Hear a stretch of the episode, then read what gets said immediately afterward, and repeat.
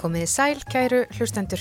Þetta er þátturinn sögur af landi, þáttur þar sem flakkaður um landið, sögur úr samfélaginu rifjaður upp og fréttamál líðandi stundar, skoðuð úr nýjum og oft persónulegum áttum. Ég heiti Gíja Holmgistóttir og með mér í dag er hún Halla Ólafstóttir, dagskargerðarmadur á Vestfjörðum. Í þessum þætti skreppum við heimsókn í listagalleri á Selfossi, þar sem fljættast inn sögur af gömlum og nýjum húsum, brennuvörgum og listamanninum Tryggva Ólafsinni.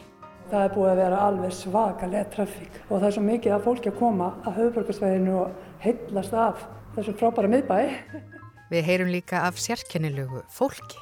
Ábyrrandi eru þessar lægri stjættir. Þetta er ofti með svona förufólk og flakkarar. En við byrjum á Selfossi. Ég stendi í nýja miðbænum á Selfossi og ég er hérna við Ringtorkið, sé hérna út að brúnni og ég stendi hérna við hotnið á Gullfoss húsinu og hér er svona pínu upplýsingateksti þar stendur trésmíðamestararnir Jónas Gunnarsson og Sigtryggur Jóhannesson reistu hús árið 1905 í Hafnarstræti 100 Já, eins og glöggir hlustundur heyra eflaust, þá var mikið um að vera á Selfossi þegar ég var stödd þar Á meðan ég stóð þarna við Gullfoss húsið fór hver vörubílin á eftir öðrum um ringtorkið með tilherrandi látum, annarkur tómir eða fullir af möl og sandi.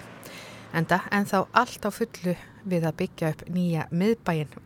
Þannig að ég ætla að lækka niður í mér þarna standandi við hornið en held áfram að lesa hér fyrir ykkur texta upplýsingaskiltisins.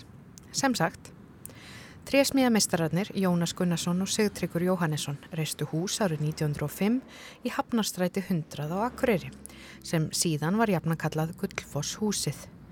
Það þótti strax ein af myndarlegustu byggingum Akureyrar, fullra þryggja hæða með hátti lofts á jarðhæð og þar sem var einn starsta trésmiðja landsins og svo fyrsta vélveta. Nokkrum árum síðar keipti þýski kaupmaðurinn Ríkard Brán húsið en hann var engum kunnur fyrir sölu á fatnaði frá heimalandi sínu. Brán starfrætti verslunar út í bú í Reykjavík á Ísafyrði og Seyðisfyrði og eignaðist með þessu fymtu verslunin á landinu.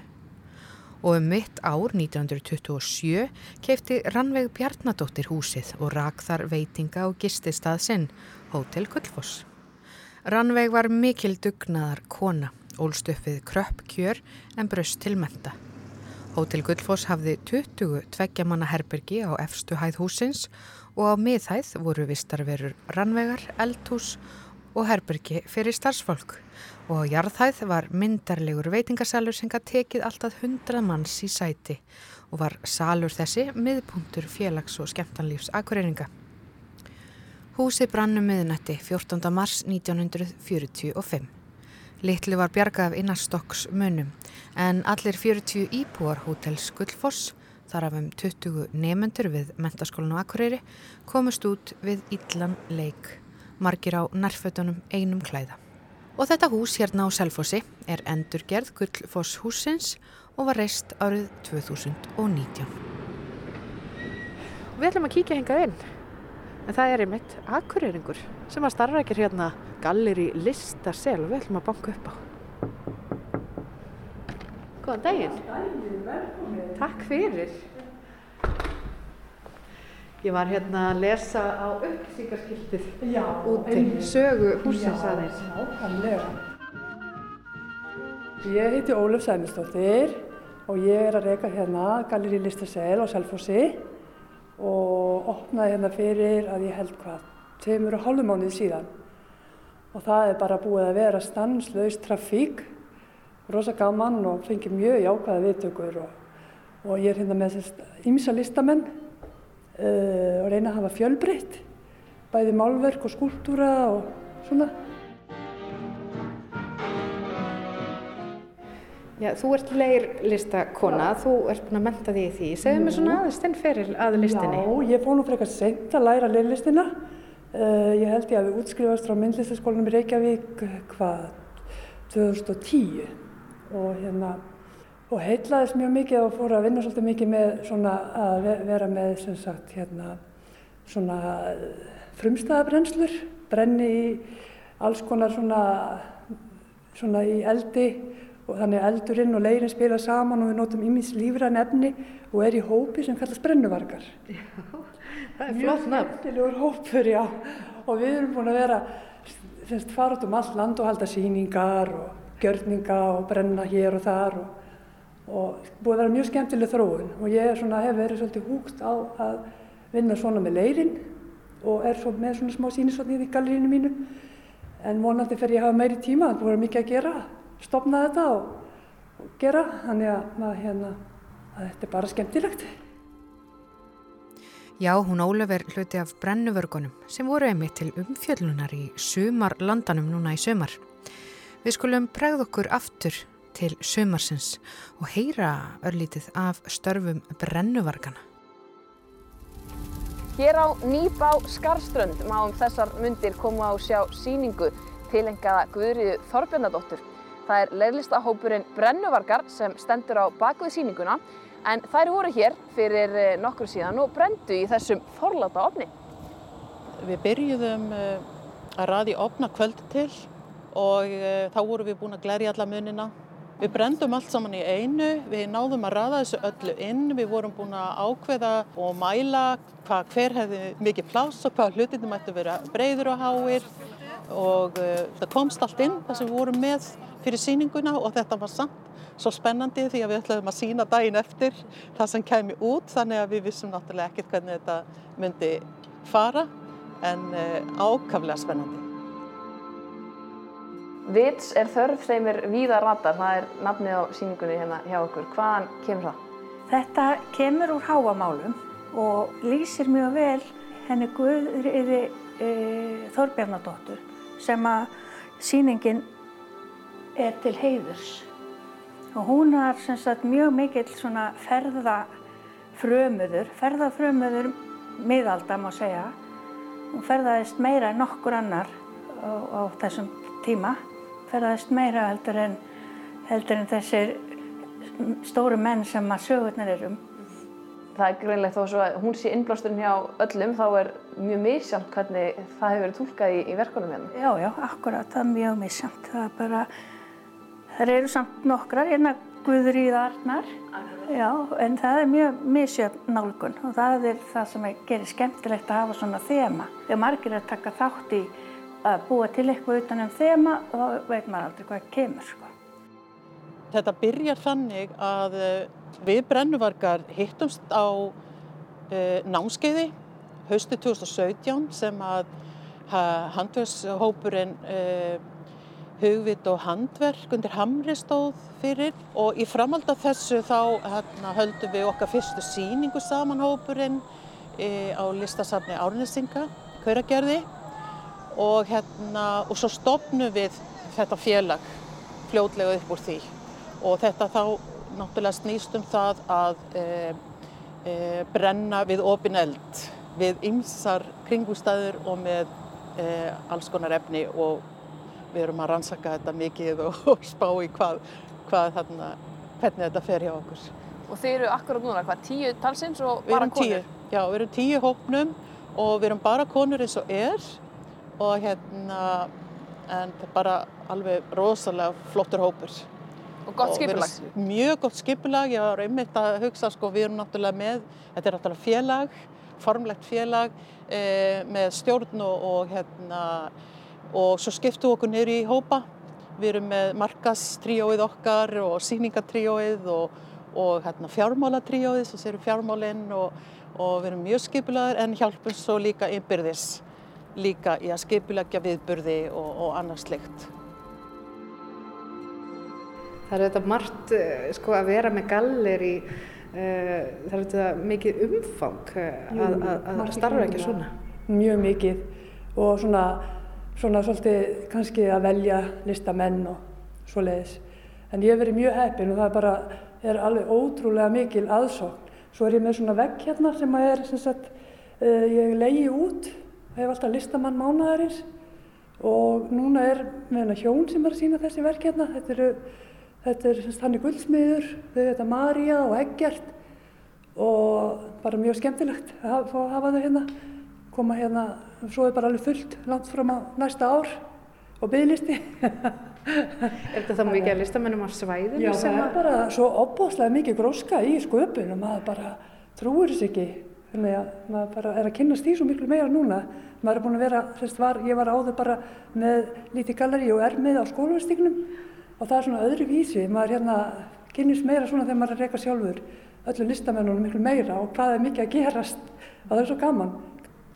En þessi nýju miðbar hefur nú dreyið verulega Jú, til sín. svo. Það er búið að vera alveg svakalega trafík og það er svo mikið að fólki að koma að höfuborgarsvæðinu og heillast af þessum frábæra miðbæ sem ég gerði bara sjálf. Ég er náttúrulega bara stökk á þetta, tækifæri að opna hérna á svona flottu stað hérna. Þetta tekur eiginlega bara beint á mótumanni. Þegar maður Já. Mhm. kemur yfir brúna, þá bara blasir þessi bygging við og galleri lista sér. Og svo gaman líka hvað fólk er ábúrslega jákvæmt og finnst svo gaman að fá þetta. Það er mjög skemmtilegt. Og svo er náttúrulega gaman að segja frá því að húsið er náttúrulega semst á sögu sína frá Akureyri, þar sem ég er frá. Ólst upp, mínar uppeldistöðvar eða semst æsku stöðvar. Þannig að það er skemmtileg tenging. Vissirðu að þú myndir fá svona akkureyrist hús Ah, þegar... Nei, ekki fyrst. Nei. Svo bara fekk ég pappirina um húsið og, og ég náttúrulega bara hérna, fór að lesa söguna og þetta er bara stórmerkileg saga um þetta hús. Þetta er byggt eftir því húsi sem hafi brunnið og hétt þessi Hotel Gullfoss. Var mjög merkileg bygging á Akureyri á sínum tíma, Hafnarstræti 100 og ég, sem sagt, svo var byggt annað hús og ég hafði farið þarna í, í hérna, uh, sem sagt, skemmti mér í H100 þess að margir þekkja hérna mín, í mínum árgangi. Já, þannig að þú var- hefur, var- þú hefur mikla tengingu þó ekki við þetta Gullfosshúsi, þetta það brann þetta 1925, en, en hérna þú hefur tengingu við H100, Hafnarstræti 100 Já, já, já. Það var sko sjallin á H100 á þeim tíma sko. Það voru staðinni sko. og bein bara lína yfir. Já, já, einmitt, já. En tölum aðeins um fle fleiri listamenn sem þú ert með hérna í galleríinu þínu. Um, já, þú velur vendarlega inn og svona Já. stýrir þessu. Ég heila ákvað, þú veist að þetta er ekkert voðalega stórt rými, þá ákvað ég að, semst, að velja svona bara vist marga sem eru svona fastilistamenn og þeir eru 15 og það er bæði blandað svona 50-50 myndlist og skúltúrar, leirlist og svona. Ég tek líka eftir hérna, þetta er auðvitað Já, flott svona blanda af ímsu, Já. en svo er hérna, eru grafíkverk eftir hann Tryggva Ólafsson og þú átt nú einhverja tengingu við hann, Já, ekki? ég á bara heilmikla tengingu við hann, þess vegna er hann hérna hjá mér, að ég fór með þeim hjónunum svo mikið, ferðaði svo mikið með þeim. Að því hann flutti til Íslands, var alltaf í, hérna, í Danmörku, meiri hluta æfinar, og svo hérna lenda hann í því óláni að, að detta og slasa sig og, og þurfti semst að fara í hjólastól og ég var að vinna í heimahjókunum. Þannig kemur viðskiptavinnur. Góðan dag, velkomin. Þakkaði fyrir eina ferðin enn. Já, það er bara svo gaman, maður er alltaf að söma fólki líka. Það eru hugsað þess að myndir bara einu mánuð. Æ, en gaman. Ó, en skemmtilegt. Er það ekki, Tryggvi? Já, það er bara hann sem við vorum að tala um. Við vorum með þetta að tala um Tryggva.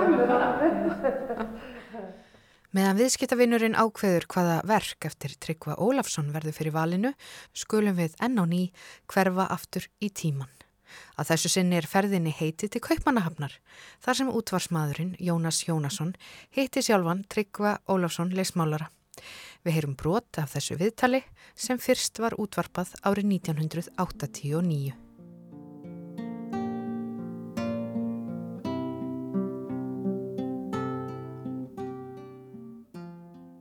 Þegar þú uh, lokaði dyrum að Norrfyrði og fórst út í heim, uh, varstu þá með einhverja uh, löngun til að sigra heiminn og sanna þig heima?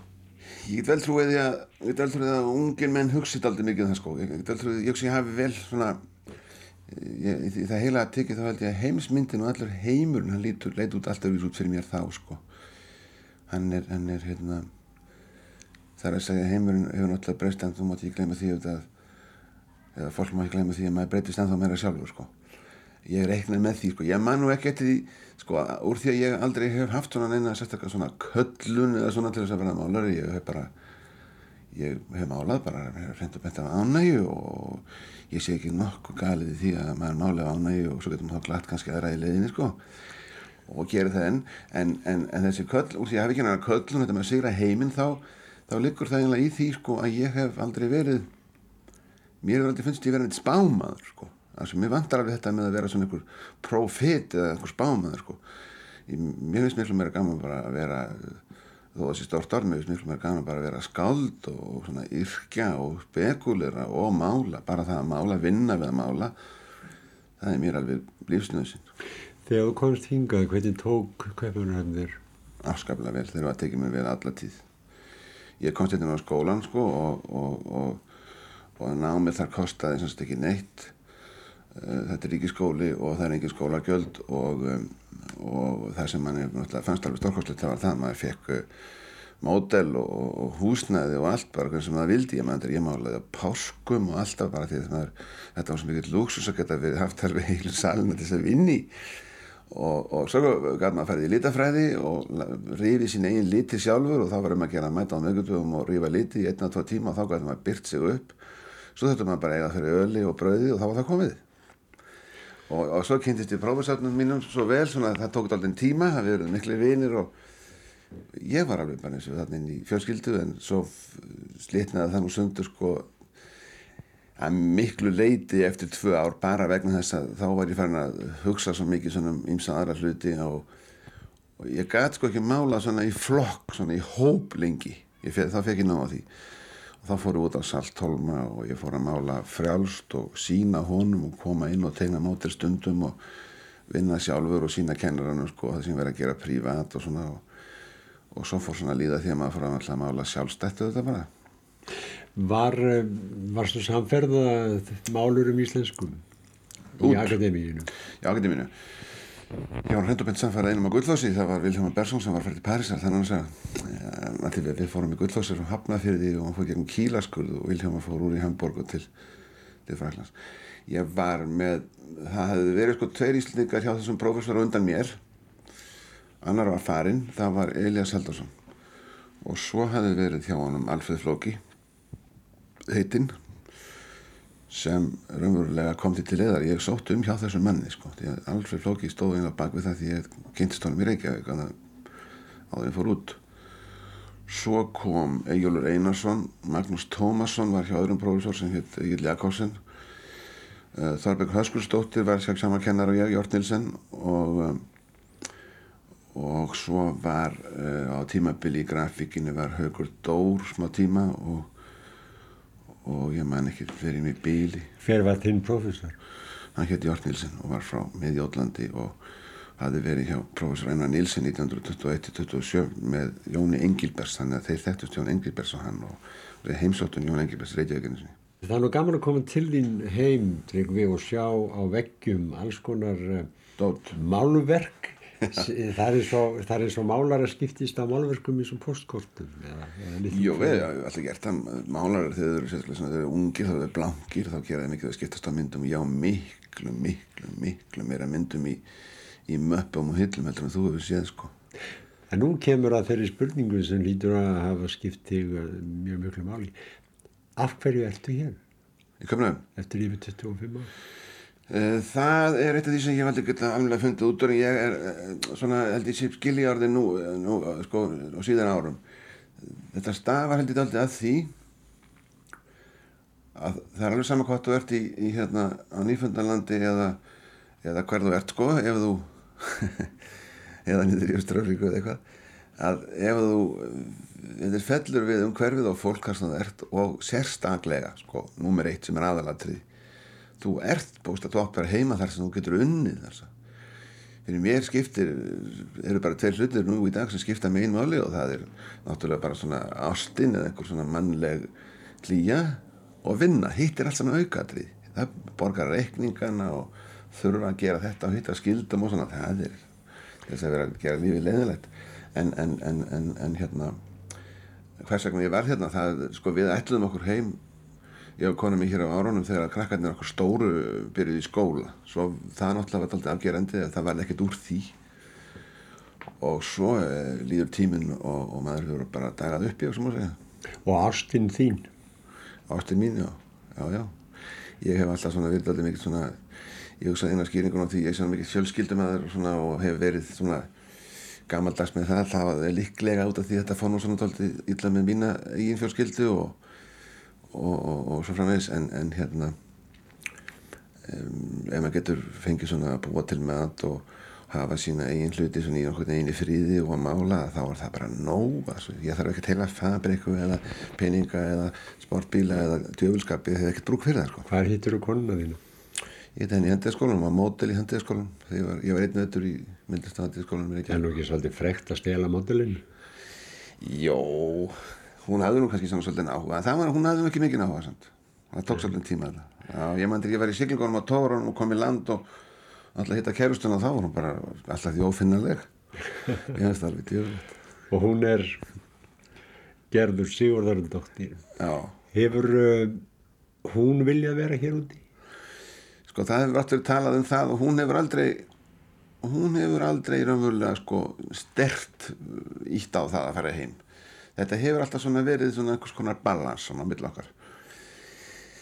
Það er náttúrulega best að spyrja hana sjálf um það en, en, en hérna, nei hún hefur ekkert sótt það fast, ég hef ekki haldið henni hérna svona minninum glægjum þannig held ég, held ég. En bönnið þín, Já, þau hafa sótt heim náttúrulega sko, eða ekki kannski náttúrulega en Stígur sem hann er stjúpsona minn, hann er gerður átti hann áður við kynntumst sko, hann, er leikteldamálar í dag, hann, hann hérna hann sótti heim til Íslands eftir, eftir að hann var student bara eiginlega forvitni. Og svo allan sér hún að læra svona listaverka viðgerðið eitthvað slíkt.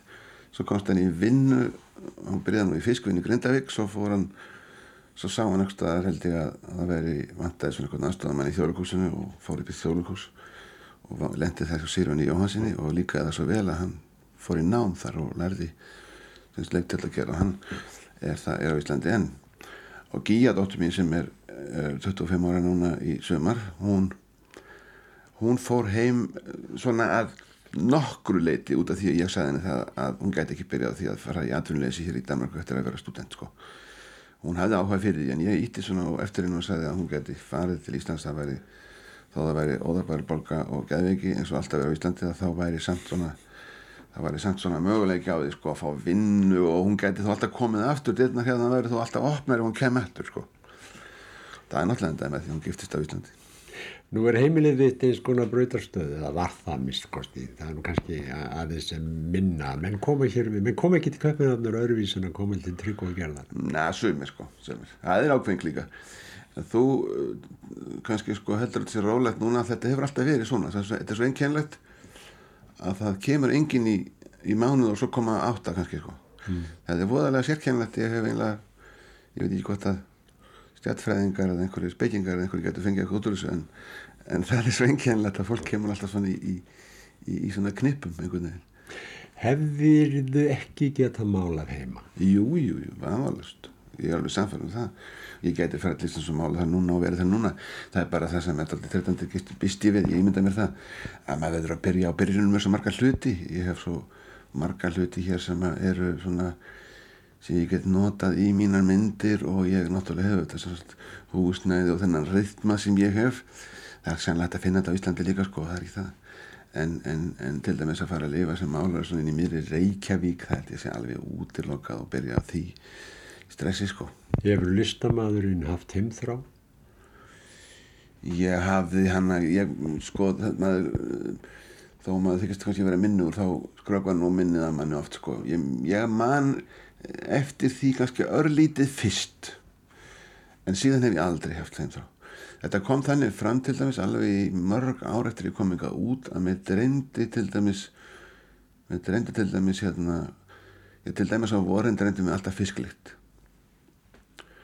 og, og hérna það gæti verið svona það gæti verið svona fyrir jól til dæmis þá saknaði maður þess kannski ekki saknaði þess að myndi svona eftir því hvernig ymsil hlutir hefðu verið þegar maður var yngri fyrir jólin og svona sko.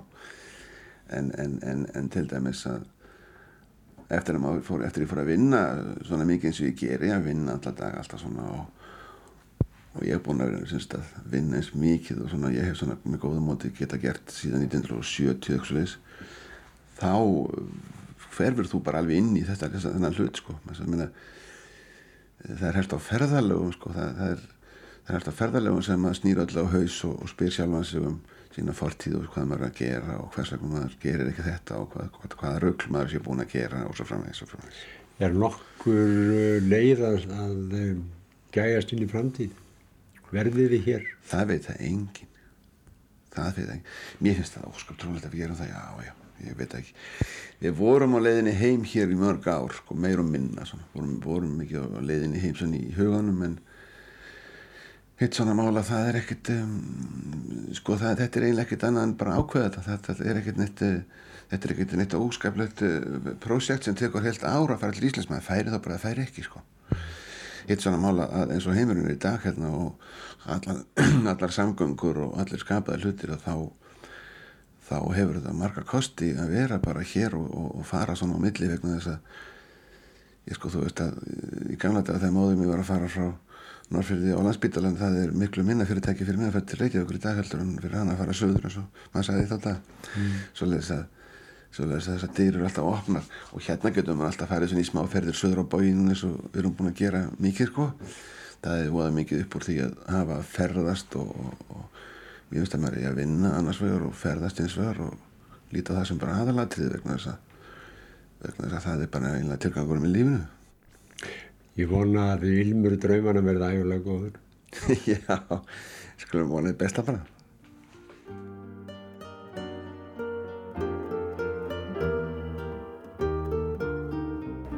Er þetta til hafmyggjum með að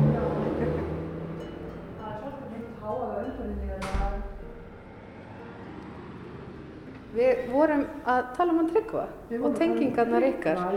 Uh, segðu mér aðeins aftur frá því. Ég kynni af þeim hjónunum og hún er mér sér búin að koma hérna, hún, konan hans, og skoða galerið og hérna ég bara semst, fór með þeim í hvað held ég, sex ferðir á fjórum árum. Og við fórum meðal annars tveisa til Ítalíu, svo fórum við til Fraklands, uh, Vínaborgar, uh, Madrid og það var bara, það var bara gerðist allt bara mjög rætt og maður fekk því líka reynslu að fara, það var svo fróður um allt hann tryggvi og fara á alla þessa staði og þannig að það var eiginlega bara heimahjúkurinn að því ég er sjúkrali líka sem eiginlega var valdurinn að því að ég hérna, sagt, fór með þeim hjónunum því hún vant að fá aðstóð. En svo hefur líka verið með þessa kannski lista þræði undir Jú, og varst sjúkralegur. þannig að maður kannski að blanda þessu svolítið saman. Það var svo skemmtilegt. Já. Kveikti þetta kannski eitthvað svona aukin áhuga að fara í þessar ferðir? Jú, ég hef oft hugsað um það þegar ég fór, fór, tók þessa stóru ákvörðin að opna hérna á Selfossi. Kannski, þú veist að það hefði kannski verið svona, hann eigi smá þátt í því. Því að þessar ferðir gáum manni svo mikið svona. Þannig að ég held að það sé svona, hann eigi svona smá í þessu, hann tryggvi. og þá viðjöndi að akkurat í viðtalinu var eitt, eitt verk eftir Tryggva Selt. Já, nákvæmlega, hann er alveg að slá í gegn.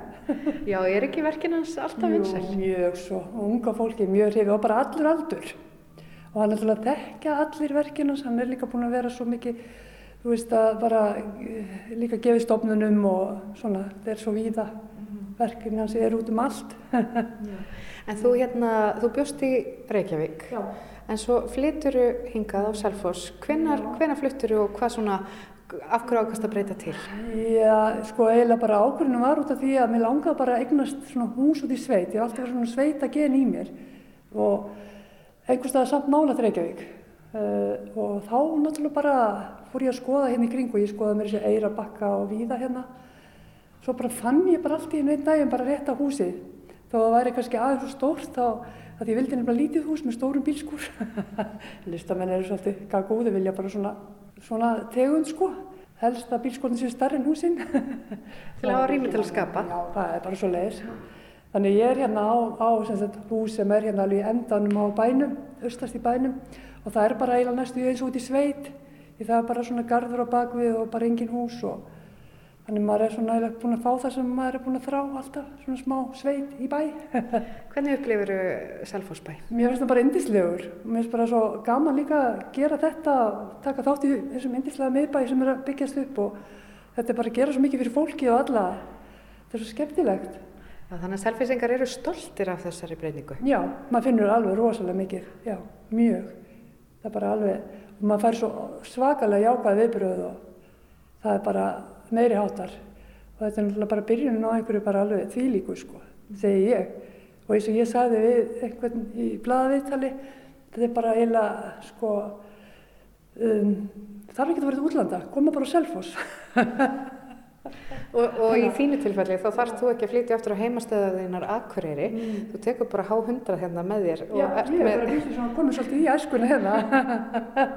Já, það er bara svo leiðis En þú ert sjúkraliði í grunninn og ferð svo yfir í keramíki, ferð yfir í, í, í svona listina uh, Blandar þessu öllu saman, ertu ennþá að vinna þessu sjúkraliði? Já, ég er að vinna hérna í hálfu starfi hérna á heilbríðstofnum Suðurlands hérna í göngufæri sem ég finnst náttúrulega algjör lúksus.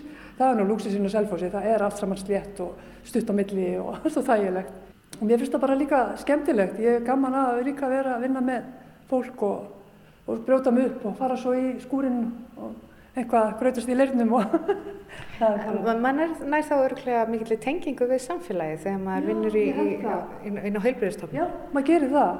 Það tengist verður svo mikil tenging, bara, bara menninir og listinn og allt. Það bara, svo hérna galleríið og svo kemur fólk hérna, ég lendi í að fólk hefur komið hérna sem hefur hérna, einmitt verið bara á sjúkrahásinu og hvað, er þú hér? hvað er þú að gera hér? Það er svolítið gaman. En Ólaf, segðu mér þetta galleri, þú byrjaði það hérna í, í sumar mm -hmm. þegar þessi miðbæri var svona formlega víður, Já. en hverjir eru draumatið þínir varðandi þetta, þennan stað? Uh, það er bara eiginlega bara að það gangi bara vel og ég heldur bara áfram að fá svona jákvæða vittökur og, og meiri, af því að ég held sko að þetta sé bara byrjunum á einhverju meiri áttar æfintýri þessi miðbær hérna, hann er alveg bara, þú veist, það er svo, maður fólk er svo hrifið af líka bara þetta er svo mikið uh, saga, það er náttúrulega verið að hérna, eða endur gera byggingasöguna. Byggingasögu Íslands? Já, já, nákvæmlega, algjörlega. Þá er flest húsin síðan frá Selfossi, þá eru utan að landi líka, eins og þetta. Og núna kemur inn hópur viðskiptavina, er það þá ekki bara góður tímapunktur að enda þetta viðtal? Já, það er ekki bara. Takk fyrir að taka mótið mér hérna í Galleri Listaseli á Selfossi. Það er bara takk kærlega fyrir.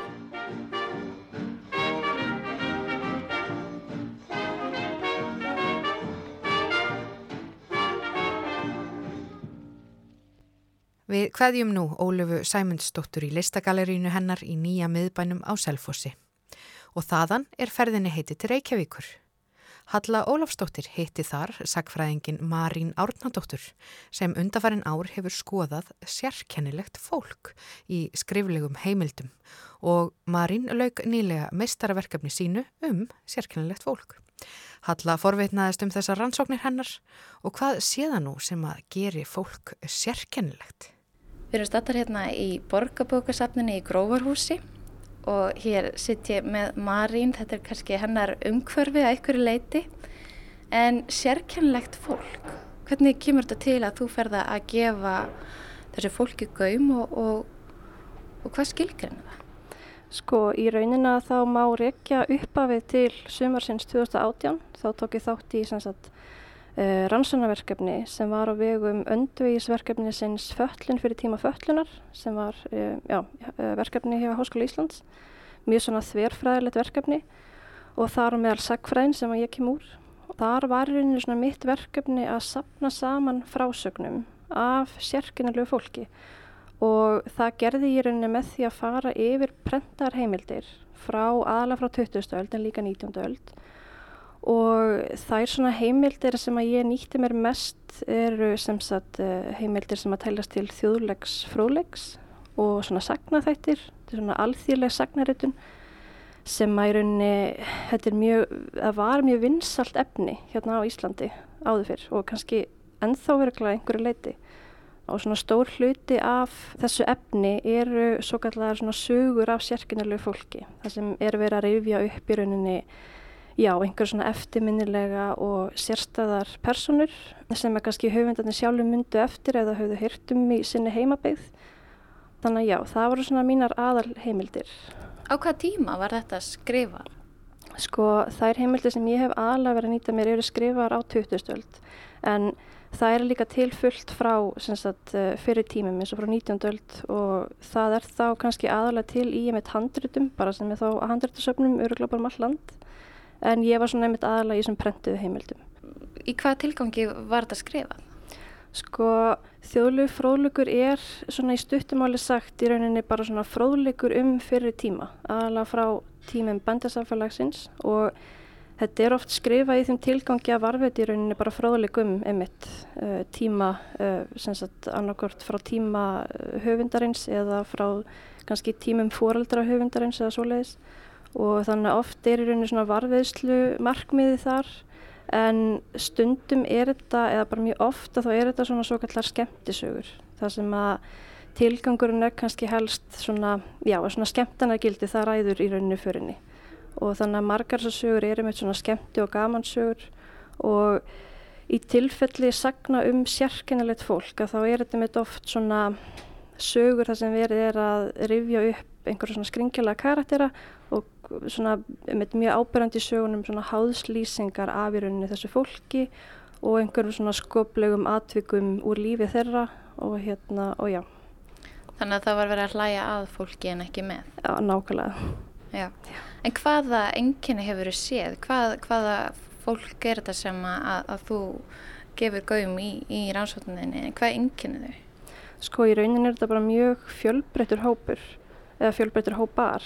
Þetta er sem sagt í rauninni nota bara svona að viða skilgrinningu á því uh, sem sagt hvað er rauninni telst til sérkennilegs fólks. Í rauninni sko skrái niður alla þá sem eru taldir vera sérkennilegir í tekstanum og Það getur bara verið vegna til dæmis föllunar, uh, veikinda, uh, óhefbundina lífssáta, sérkynnilegs útlýts eða klæðaburðar og, og lifnarháta. En ég skráði líka hjá mér fólk sem var ekkert endur að líst sem sérkynnilegu en er samt auðvarslega fólk sem var kannski með einhverja skerðingar eða var veikt eða svoleiðis og, hérna, og eru til sögurum sem sagt.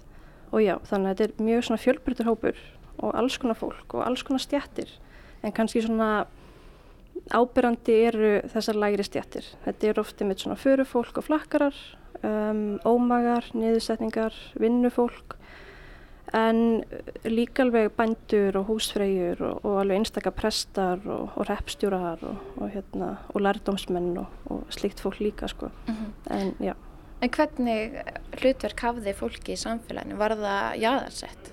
Já, ég held að ég get alveg sagt að flestir af þeim sem ég hef skráð niður að þeir eru töldust til uh, jaðarsettra hópa í samfélaginu. Og þetta er fólk sem að, einmitt, ef, að, ef að það var með eitthvað skerta vinnugetu, að þá náttúrulega, náttúrulega vinnan var svo mikil og hérna í gamla bandarsamfélaginu. En það er samt sko mjög gaman að sjá hvað er unni svona í sögunum að þá kemur átt fram svona aðdáun fyrir uh, því sem fólki gætt gert þrátt fyrir skerðingu sína eða veikindi þannig svona sjálfsbjargar viðletnin og framtagsseminn, það er svona borin virðing fyrir henni í sögunum. Já. En hins vegar eins og með förufólk sem að kannski sömur voru álitnir vera kannski alveg vinnufærir en neituðu bara að vinna að það er náttúrulega ekki litið vel á þá kannski í sögunum. En, en þú hefur verið að skoða þessar heimildir við það? Þú er jafnvel skoðað þetta með tilliti til vissra landsvæða, ekki sagt? Jú, sem sagt í sumar, uh, sumari 2021, að þá hérna var ég svo heppin að fá í rauninni starf við þess að rannsónaverkefni hjá rannsóknarsittri Háskóla Íslands á Austurlandi sem er uh, staðsett á eigilstöðum og er undir stjórn unnarbyrnu Karlstóttur og þá sem sagt var ég að emblina á sögur af sérkynalegu fólki á Austurlandi. Og þá var ég sagt, aðalega einblýna á einmitt þennan þjóðlega fróðleik og svo sagnaþætti sem snú, snú að Östurlandi eða þá að höfundum sem eru frá því landsvæði. Þannig að ég svona byrja að reyna bara fletti í gegnum bækur sem einmitt eru frá þeim landsluta og byrja að sapna saman sérstaklega sögum uh, af fólki sem bjó eða lifiði á Östurlandi á sinni tíð. Mm -hmm. Voru þetta ólíkar sögur þeim sem þú hefur fundið áður eða sástu eitthvað munstur? Sko, ég geti ekki kannski alveg sagt það, en hins vegar svona, ef ég ætti að nefna eitt dæmi að þá fannst mér alveg áberandi sögur af fólki sem að var með einhverja svona máli að tala örðuleika. Uh, var kannski, og líka fólk sem var um, bögumælt eða hérna eins og ég mann eftir einu manni sem var kallaður mismæla mistari og til og margar svona skondnar sögur á honum. En já, mér fannst það alveg vera svona pínu áberandi uh, í þeim sögum sem ég sapna saman á Austurlandi. Já, en þú lítur að hafa verið stundum að fá sömu sögurnar eða sömu einstaklingan aftur og aftur? Jú, það er mitt hérna, eins og í tilfelli sagnana frá Austurlandi að þá til dæmis það voru tveir flakkarar sem, hérna, sem voru einnig bara landsþektir sko, hann hérna Haldur Hómer og, og Gilsarvallagvendur ég held ég hafa alveg skráð nokkra sögur um þá sko hérna báða sem ég rakst á í rauninni bara í mismunandi rítum og, hérna, og tímaritum og, og blöðum þannig, þannig já, þetta var náttúrulega sko eins og flakkara, þetta var svona eins og fræga fólk síns tíma þannig að það er ekkert skrítið kannski að sýtu margar sögur í rauninni um hérna þessu svona þekktustu flakkara þeir urðu að viðfangsefni annara Já, akkurat mm. Hvað er þetta margir einstaklingar? Sko í heldina þá er þetta hátt upp í 300 frásagnir og einstaklingar sem ég hef skráð alveg í rauninni frá byrjun þess síðan að ég byrjaði í rauninni að sapna saman uh, þessum frásögnum og, og af þessum einstaklingum en uh, í hérna í verkefninu í sumar um, að þá sem sagt sapna ég heldina uh, 94 frásögnum um, sem sagt frásögnum af sérkynalegu fólki á Austurlandi af 78 uh, einstaklingum. Það voru 64 karlar og 14 konur. Og það voru sem sagt í 11 tilfellum þar sem að skráða voru fleiri en einn frásögnum sama einstakling. Þannig að hérna og já það má mitt kannski nefna líka það er eftirtæktavert hlutfallið á, hérna, á kynjunum. Sagt, eh, eins og í sumar og þá voru konurreiningi sem 14 af 78 skráðum einstaklingum þannig að eitthvað rétt um 18% og þannig að með meiri hluti frásagnan í skranni eru þess vegna um karlmenn sem að skára svo einhvern nátt úr. En ég tel hins vegar alveg óleiklegt að þetta endur spekli í rauninni raunverulegt hlutfall sérkennilegra uh, karla og hvenna áður fyrir á Ísturlandi því að hugsanlega hafa bara sögur af slíkum konum síður rata í raunin á blasjur sagnarítarana sem voru allflesti karlmenn þannig að mm. það hefur auðvitað haft örugla, örugla haft einhver áhrif á um hvað og hvern var rítað þannig að já Akkurat. Hvað væri svona einkennandi dæmi fyrir texta sem að, að þú ert að skoða? Sko, til dæmis er ég hérna með dæmi um hann Barð Kolbensson sem var bondi í Áregjum, minni mig, Áregjum í Reyðafyrði á 19. öld. Og það er til dæmis ein lýsing á honum að, að hérna, og núna les ég bara orðurétt úr frásögninni, þá var barður enginnilegur í máli sem mest kom að því að þegar hann talaði var sem hann sletti tungunni út á milli tannana og skæfi hana með efri framtununum um leið og hann bar fram orðin, var því mörgum gaman sömum mönnum að herma eftir honum og þarna kemur einmitt svona vísbyttingum það að hann hafi nú eitthvað orðið fyrir um, einmitt einhverju svona að einhverju hafi gert grína á hann og síðan mætti líka nefna söguna af lausamann í Norðurum Múlasíslu á 19. öld sem hétt Sigurgir Friðfinnsson og þar kemur einmitt fram að gárangarnir hafi haft gaman af því að gappa hann og íta undir hann að segja vittleysur því að hann var svo trúgjarn og með afbröðum bögumæltir og bar mest á því þegar að hún var mikið neyðri fyrir og vildi vanda sig. Og síðan voru alveg sumir náttúrulega uppnefndir í tengslu við mismælinn sín og, og það er einmitt alveg mjög margir sem að í skránum minni sem að rauninni áttu sér viðunöfni og sum voru nú bara svona nokkuð sagleisislega svo maður segja þau voru með svona bara vísunni í rauninni búsetu eins og Garða Árni eða Fögru Lýrþóra en á meðan önnur voru kannski lýsandi fyrir uh, ákveðin sérkynni eins og föllun, uh, til dæmis sigurður handalösi eða slíkt.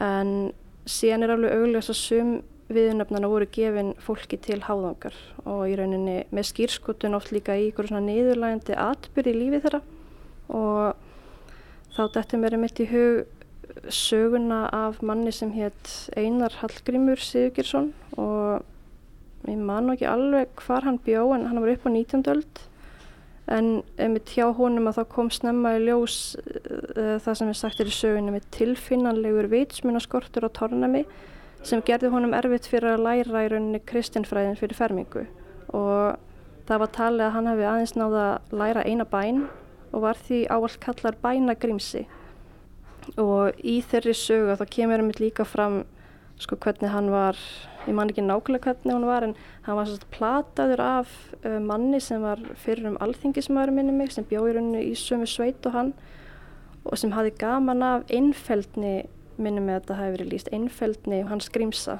Og hann fór eitthvað að platan og eitthvað að stríðunum og platar hann að, að, að því leitinu til að hann segir að hann eigi að heimta einhvern ímyndan fermingartoll af prestinum sem að fermdan og hérna einhver bara algjör tilbúningur. Og hann segir að hann getur unni leist út þennan fermingartoll í formi myndtóbaks sem að Grímsi var mjög hrifin af. Mm -hmm. og hann trúur honum og leggur í einhverja langferð allarleið til prests til að þeim mitt fara innheimta þennan, þennan fermingartoll. Mm -hmm. og þetta er svona típist dæmi um hvernig sumir einstaklingarnir virðist að verið svona plataðir og gabbaðir í ímislegt og þarna séstum við sko mikið valda ójaba í rauninni millir þessara aðila. En þinn áhugi, hvaðan sprettur hann? Sko bara eftir að ég byrja í rauninni fyrst að rannsaka þessar sögur að þá fór ég svona að taka eftir ákveðnum atriðum í sögunum, svona enduteknum atriðum. Það voru rauninni sko sagt, ákveðin svona samskipti milli þessari rauninni jáðarhópa í sögunum og síðan þeirra bara svona samferðamanna og ákveðin atvik í sögunum um, sem að í rauninni bara lýsa ákveðinu svona bara einelt og ofbeldi, eitthvað sem við myndum í rauninni kalla einelt og ofbeldi í dag. Þannig að, en er oft í sögunum líst sem bara svona góðlótlegu gríni eða saglausir í stríðinu eða svoleiðis. En svona þegar maður fer að að rýna betur í þessi atriða þá er rauninni koma svona alvarlegri hliðar þess betur í ljós. Og það sem ég rauninni hef gert er að nota haugtök eins og um, einelti og ofbeldi og svona nútíma skilgrenningar á þeim haugtökum sem tól til að í rauninni lesa þessar sögur upp á nýtt og greina þær út frá þessum skilgreiningum og þannig í rauninni sko svona draga fram byrtingarmyndir einheltis og ofbeldi í þessum sögum og þannig fá í rauninni svolítið nýtt sjónarhóttn á þessar sögur sem er í rauninni uppalega bara eiga að vera hálgerðar grínsögur mm -hmm. og eiga að vera skemmtilegar og fyndnar og skondnar en er í rauninni kannski, eða já, það leynist í þeim ímsir alvarlegri hlutir kannski þegar maður byrjar að horfa á þar frá þessu sjónarhóttni. Og þegar maður setur upp þessi glerugu þá sér maður þannan tíma kannski líka öðrum augum. Já, algjörlega. Mm -hmm. Hvað sér þið fyrir þér að gera með þessar upplýsingar og, og, og, hvernig ætlar að vinna þetta áfram?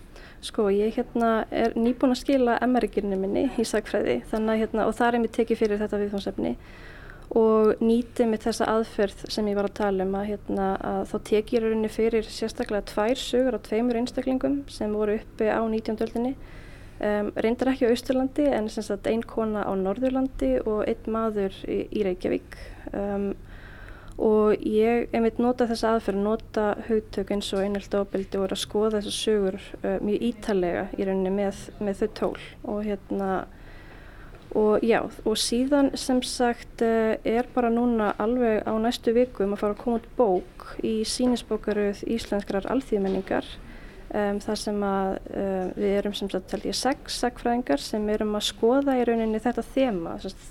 Bókin mun heita Þættir af sérkynarlegu fólki og við erum svolítið að skoða þetta viðfánsefni út frá, eða þessa hópa út frá mismunandi kannski sjónarhóttni og þar á ég sem sagt eh, grein sem byggir svolítið á um mitt emaríkinu minni og um, já, þar mun í rauninni svo kannski svolítið niðurstöðu mínar byrtast mm. og þar með líka sagt, í rauninu svona heldar skrámin yfir þessa söpnun á þessum sögum og af þessu fólki byrtast líka og þar á meðal uh, þeim sögum og því fólki sem ég sapnaði í sumar fyrir uh, rannsónasettrið fyrir austan. Já. Þannig, já. Hvaða mynd finnst þér að þú drægir upp af, af, af samfélagi þessa tíma sem að þú varst að skoða? Sko mér finnst að um, mér finnst að gefa ákveðna vísbendingu um svona ákveðin hluta af alþýðumenningu þessa tíma. Og þetta er kannski svona hluti sko ég er unni nefni þetta í rauninni sem einhverja svona eineltis og óbyldismenningu það sem að í svona tíðarandin var að það var í lægi að gefa skotleifi á ákveðna hópa og í lægi í rauninni að gera grína að ákveðni fólki. Og eins og ég segi náttúrulega mikið þess að fólki var einmitt svona berskjaldærunni fyrir, fyrir, hérna, fyrir alls konar aðkastu og ofbeldi og já þannig ég, mér finnst þetta að draga upp ákveðna myndi mitt af, af svona þeim hluta af, af menningunni. Mm -hmm. Sem er kannski bara nokkuð dökk? Já, byrjast vera. Mm -hmm. Mm -hmm. Það er einhver lit allavega. já. Takk fyrir spjallið Marín Arnóttóttir og gangiði vel. Já, takk fyrir. Á þessum nótum líkur sögum af landi í dag. Viðmælendur í þættinu voru þau Ólaf Sæmundsdóttir og Marín Árnadóttir. Auk þess heyrðum við innslag úr sömarlandanum frá liðnu sömri þar sem rætt var við meðlimi listahópsins Brennuvarkana. Við heyrðum einnig brotu viðtali frá árinu 1989 þar sem Jónas Jónasson rætti við listmálaran Tryggva Ólafsson á heimili hans í Kaupmannhöfn. Og við minnum auðvitað á að þessi þáttur og eldri þættir eru aðgengilegir á spilararúf og á öllum helstu hlaðvarpsveitum. Við þökkum þeim sem hlýtu, lifið heil!